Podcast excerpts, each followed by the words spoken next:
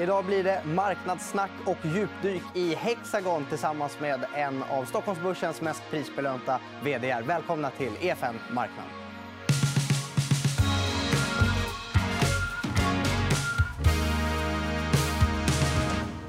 Och det rör sig om ingen mindre än eh, Ola Rolén. Varmt välkommen. Tack. Kul att vara här. Ja, färsk Q4, läget på topp? Ja, det känns bra faktiskt. Vi är nöjda med fjärde kvartalet. Mm. Eh, innan vi borrar ner oss djupt i, i läget för Hexagon. Det är fest på börserna och eh, OMX har dansat på 2000-nivån ett tag. Du är ju både vd och investerare. Hur känner du kring marknaderna just nu? Ja, det, det, jag tror det är en mycket det är en mycket större fråga än att bara titta på värderingar. Och, och självklart så är värderingarna jättehöga nu i absoluta tal. Men jag tror det finns skäl för det också. Så att det, ja, det, det är ett längre resonemang än att bara säga hur känns det. men, men, men, vad är det för någonting som gör att eh, värderingen ändå kanske ska vara här uppe? Då?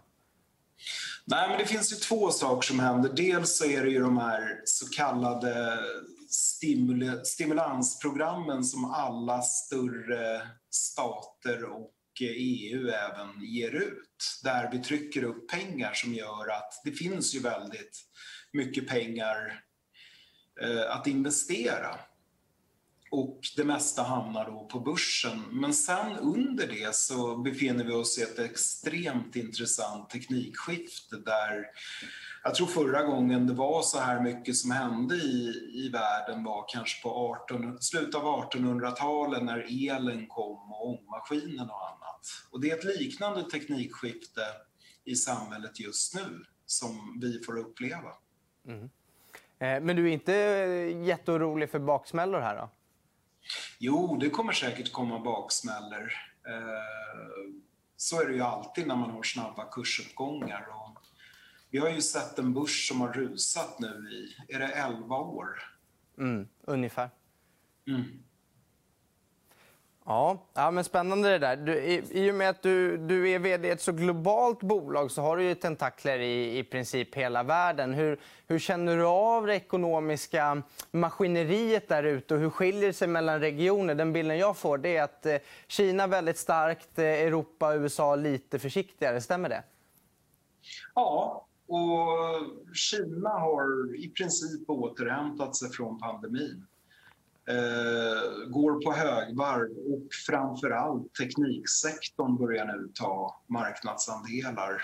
Och jag tror att det kan bli spännande att se kinesiska teknikföretag som kommer etablera sig i Europa och USA nu de närmaste 5-10 åren. Eh, så, så Kina tror jag verkligen har framtiden för sig så att säga.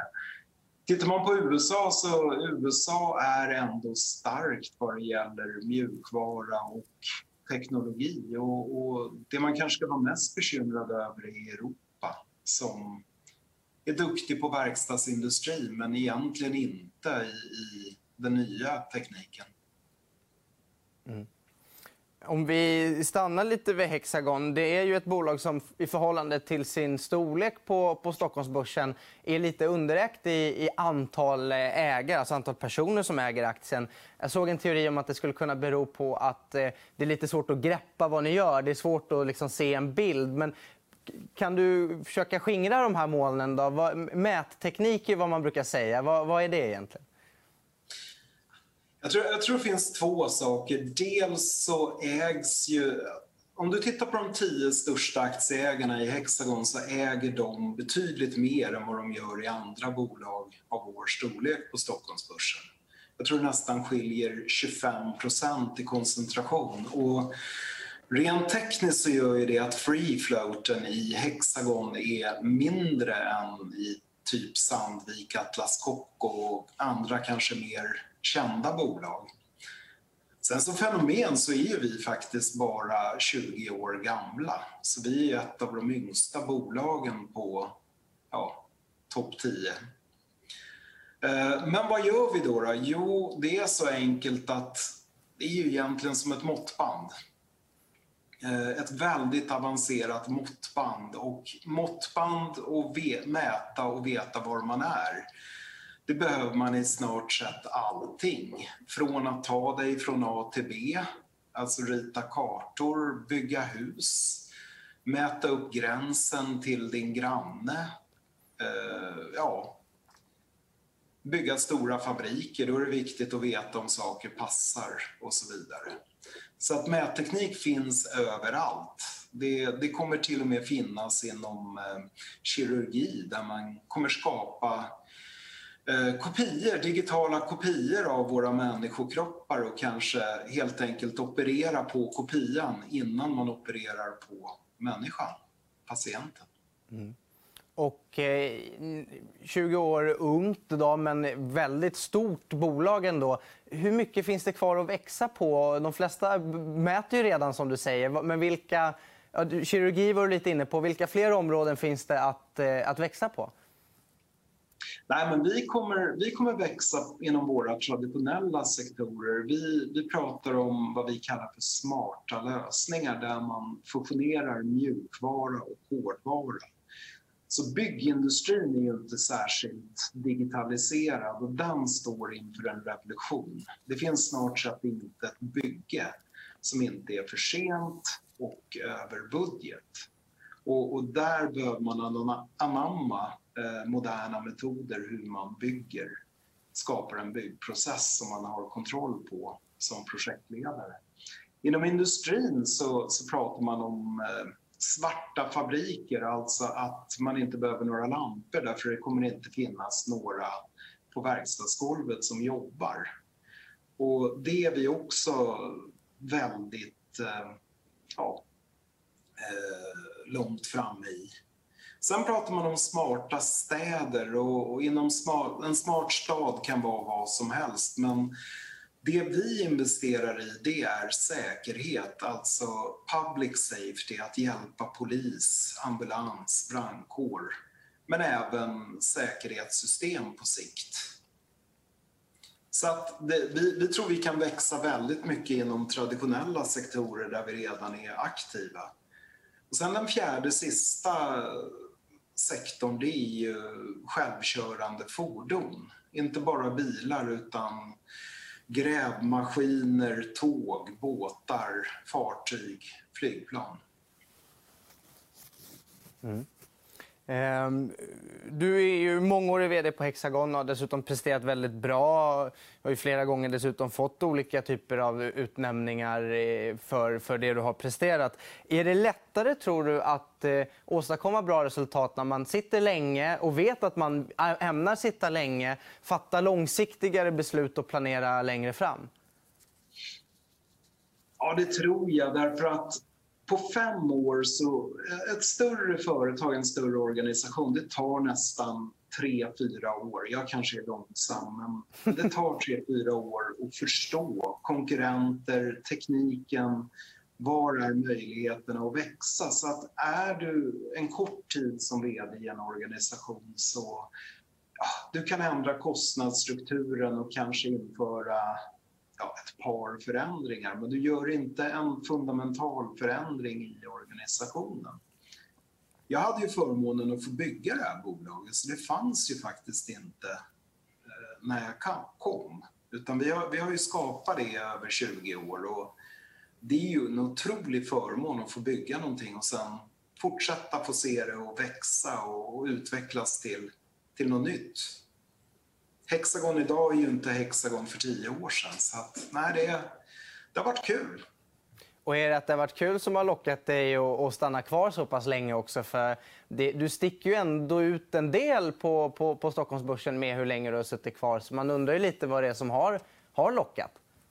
Ja, nej, det, när jag började så sa de att jag var ung och lovande och nu är jag gammal och olovande. Så att, man undrar ju varför man hänger kvar? Nej, men man måste ju ha kul i livet och, och det här är kul.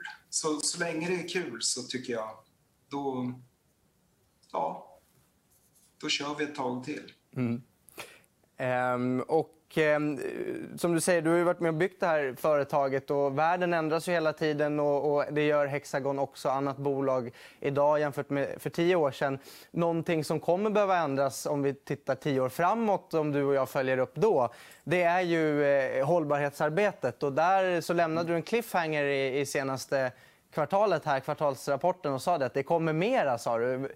Jag förstår att du inte kan säga så mycket om det än, men, men det låter som att ert, ert hållbarhetsarbete går på högvarv i alla fall. Jo, dels så, så gör vi nu traditionella CSR-mål som att bli... Eh, ja, vi tittar på när vi kan vara CO2-neutrala i det som kallas för Scope 1, 2 och 3. Och så tittar vi även på jämställdhet, vilket är viktigt. Vi ska ha fler kvinnor i ledande positioner. Vi har sagt att vi ska ha 30 procent i ledande befattningar. Eh, så att det är ju det traditionella CSR-målet. Men sen är det så här att det här är ju faktiskt på allvar. Vi har jätteproblem, eh, mänskligheten. Vi fiskar ut fiskarna i havet, vi håller på att förgifta atmosfären, Eh, isarna smälter, eh, stormarna blir värre och så vidare.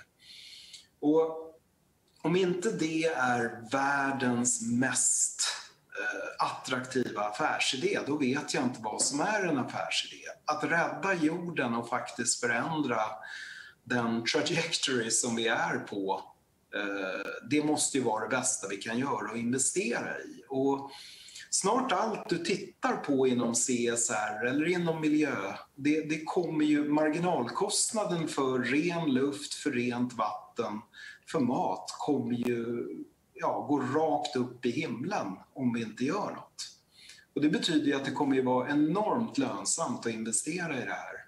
Och det tänker vi eh, kapitalisera på. Hur då? Det kommer vi berätta snart. Ja, ja.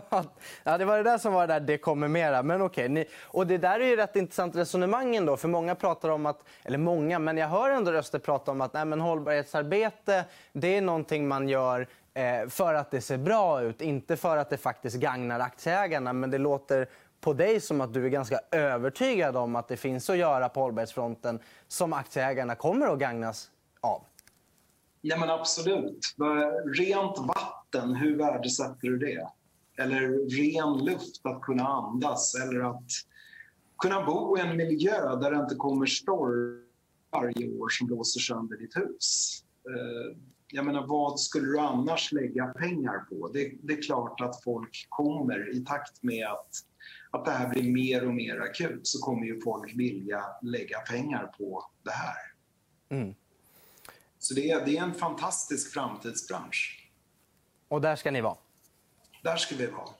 Är det här någonting ni har planerat för länge? Eller när, när började du se de här möjligheterna? Att här kan vi, här kan vi investera och få avkastning? Jag, jag, CSR-arbete har vuxit upp kan vi säga. Alltså för tio år sedan så fick vi en massa propåer att vi skulle fylla i blanketter. Och fyllde man i blanketter åt olika institutioner då fick man en bra CSR-rating. Och på den tiden så var det ju bara polluters som fick bra rating för de visste att de var tvungna att göra det här för att försvara sig själva. Hexagon i sig är ju ett CO2-positivt företag. Våra lösningar hjälper ju till att, att minska utsläpp och förstörelse av miljön.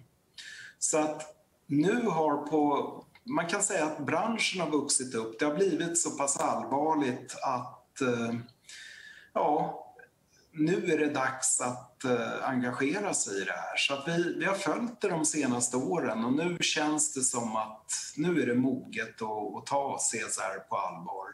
För nu handlar det om att rädda miljön, inte att fylla i blanketter. Mm. Eh, bra. Vi har fått en hel del tittarfrågor. En som kommer från Sven Braun på Twitter som går in lite grann i eh, eh någonting vi redan har avhandlat. Men jag tycker vi tar den ändå, för det är så kul eh, när det är stort tittarengagemang. Den lyder så här.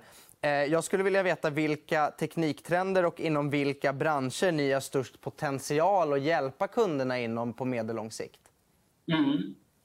Nej, men det är byggindustri, tillverkning, smart säkerhet och autonoma fordon. Det är de fyra branscherna. Ehm, och eh, sen tror jag också att vad, vad, som kommer hända det är ju att vi, vi kommer ha färre och färre arbeten inom de traditionella industrierna. Och tittar man på lite längre sikt på eh, världsekonomin så växer ju servicesektorn betydligt snabbare än vad traditionella ja, tillverkningsindustrier som ja, bil, flyg, byggindustri och annat gör. Och det betyder ju att i takt med att vi automatiserar bygg och, och tillverkningsindustri och andra, andra större sektorer så måste vi ju skapa nya servicenäringar. Och där ser jag en hel del applikationer där Hexagon kommer kunna gå in och, och ja, hjälpa servicesektorer. Mm. Eh, en annan eh, Twitterfråga från en som kallar sig för Oxfordmannen. Han undrar vad det är som gör er disruptiva.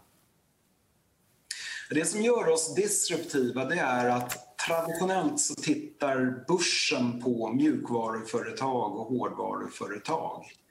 Och vad som kommer hända nu det är ju att det blir en fusion mellan hårdvara och mjukvara och att du har sömlösa system som, som agerar eh, ja, både hårdvaran och mjukvaran hjälper till att leverera tjänsten som du, du vill ha. Och det har ju med automation att göra. Eh, Apple är ett bra exempel. Är Apple ett hårdvaruföretag eller ett mjukvaruföretag? Ja, vi, vi köper iPhones men, men utan mjukvaran och apparna och annat så skulle den ju inte sälja lika bra. Så man, man skapar ekosystem helt enkelt med sensorer, hårdvara och mjukvara och det är framtiden. Mm. Um, innan jag släpper dig skulle jag också vilja återgå lite till ditt intresse för eh, investeringar. Vad vet du om investeringar idag som du önskar att du visste för 15 år sedan? ja, det vete 17 om man lär sig särskilt mycket om investeringar. Nej, jag, jag, tror, jag, tror, att det finns två sätt att investera. Du, du kan ju vara daytrader och utnyttja eh, ja, mönster i en handel. Och, och, där kan du ju bli väldigt duktig och väldigt framgångsrik. Eller så får du lära dig väldigt mycket om ett fåtal saker och då får du ha tålamod och investera på riktigt lång sikt. Eh, jag tror det värsta man kan göra är väl att skutta emellan de här två strategierna. Att man, man blir otålig och hoppar av och byter till något nytt. Utan endera långsiktigt fokus eller så blir man en jäkel på daytrade. Mm. Eh, Sparpingvin på Twitter har en fråga på samma tema. Vilka branscher investerar du själv i?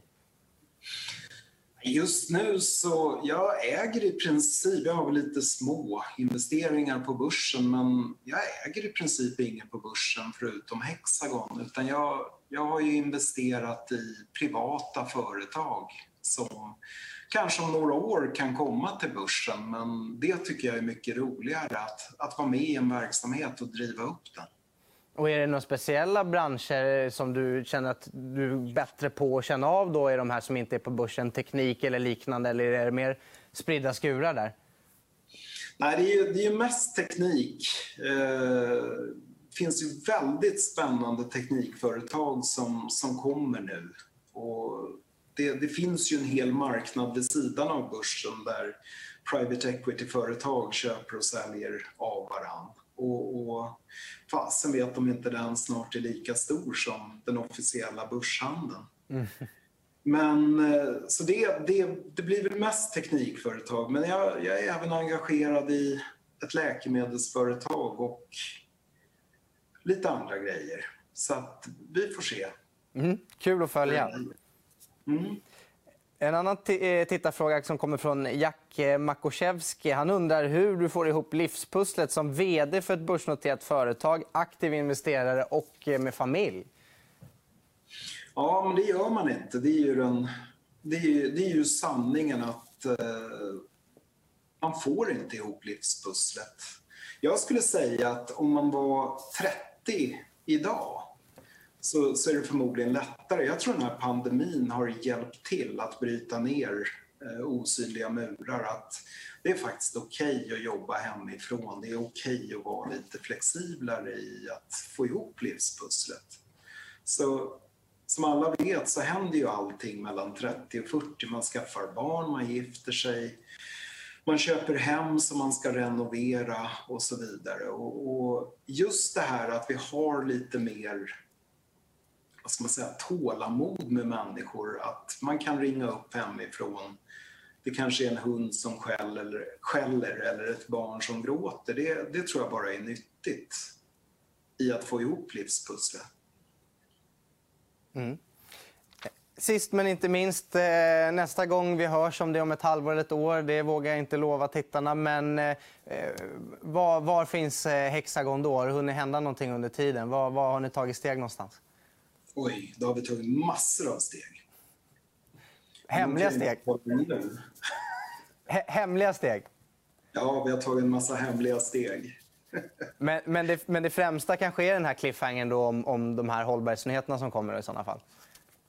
Jag tror, jag tror 2021 kan bli ett ganska spännande år. Vi, vi har rätt mycket i pipeline från våra FoU-enheter som jag tror kan bli kul. Så att, eh, nej, jag tror det här blir ett bra år. Kul. Det ser vi fram emot. Tack så mycket för att du gästade EFN Marknad, Ola Rolén. Tack. Och Det var det vi hade att bjuda på i dagens avsnitt. Du som tittar på Youtube, prenumerera gärna på kanalen. Annars kan du följa EFN TV på Instagram. Nästa vecka är vi tillbaka med ett nytt avsnitt igen. 11.45. Ha det bra så länge. Hej då!